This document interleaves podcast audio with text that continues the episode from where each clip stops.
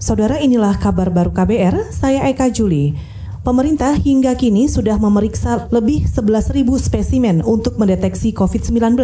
Jumlah itu bertambah sekitar 1.500-an dari hari sebelumnya. Juru bicara pemerintah untuk penanganan COVID-19, Ahmad Yuryanto mengatakan, pemeriksaan dilakukan oleh tenaga kesehatan di tingkat pemerintah pusat dan daerah. Kami sudah melaksanakan pemeriksaan spesimen terhadap 11.242 orang dan 8.000 atau 80 persen di antaranya tidak terbukti positif coronavirus 19. Itu tadi juru bicara pemerintah untuk penanganan COVID-19 Ahmad Yuryanto. Pengambilan spesimen cairan mulut dan hidung dilakukan untuk pemeriksaan menggunakan tes polimerase chain reaction atau PCR. Hasil pemeriksaan metode PCR ini memiliki tingkat akurasi tinggi dalam menetapkan diagnosa COVID-19, meskipun butuh waktu yang cukup lama. Data terakhir hingga tadi malam menunjukkan total kasus konfirmasi positif COVID-19 di Indonesia menjadi 2.491 kasus. Pasien sembuh bertambah menjadi 192 orang, sementara kematian 209 kasus. Saudara, pemerintah terpaksa akan mengkaji ulang pembayaran tunjangan hari raya atau THR dan gaji ke-13 untuk pegawai negeri sipil. Menteri Keuangan Sri Mulyani mengatakan beban belanja negara saat ini mengalami tekanan berat akibat penanganan pandemi COVID-19.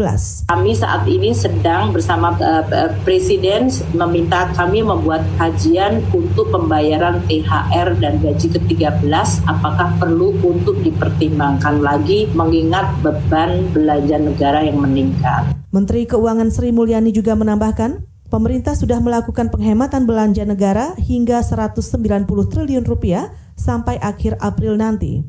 Pemerintah juga sudah melakukan berbagai upaya untuk mengantisipasi dampak wabah virus corona, termasuk memberikan paket stimulus ekonomi. Sri juga menyatakan, fokus belanja pemerintah saat ini adalah untuk sektor kesehatan, jaring pengamanan sosial, dan membantu dunia usaha.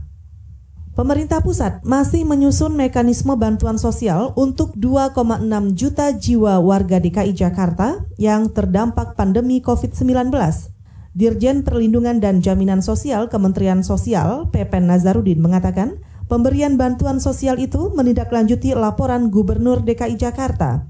Laporan itu menyebutkan 3,7 juta warga miskin dan rentan miskin di ibu kota terdampak COVID-19 serta membutuhkan bantuan sosial dari pemerintah. Belum belum diputuskan belum ya. Ya kemungkinan akan berupa seperti itu juga. Itu dananya sudah dibicarakan juga ini nanti oleh APBN. Kan itu kan semuanya kan 3,7. 3,7 itu sudah ditanggulangi oleh DKI 1,1. Sisanya kan 2,6 yang ditanggung oleh APBN. Nah ini yang mekanismenya sudah disusun. Itu tadi Dirjen Perlindungan dan Jaminan Sosial Kementerian Sosial Pepen Nazarudin.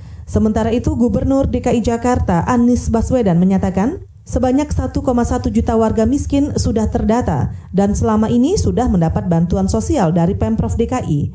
Sedangkan 2,6 juta warga lainnya menunggu bantuan dari pemerintah pusat, termasuk di dalam kelompok tersebut antara lain pedagang kaki lima, pengemudi ojek online, dan para pekerja informal lainnya. Kita ke berita olahraga.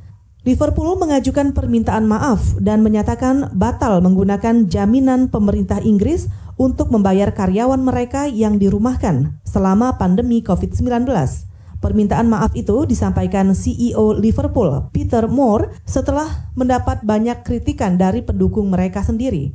Para supporter The Reds marah karena menilai manajemen klub seolah mengabaikan hasil pendapatan keuangan yang begitu besar. Peter juga mengaku salah memilih keputusan dari tiga opsi yang tersedia tentang pembayaran para karyawan Liverpool yang dirumahkan. Saudara, demikian kabar baru. Saya Eka Juli.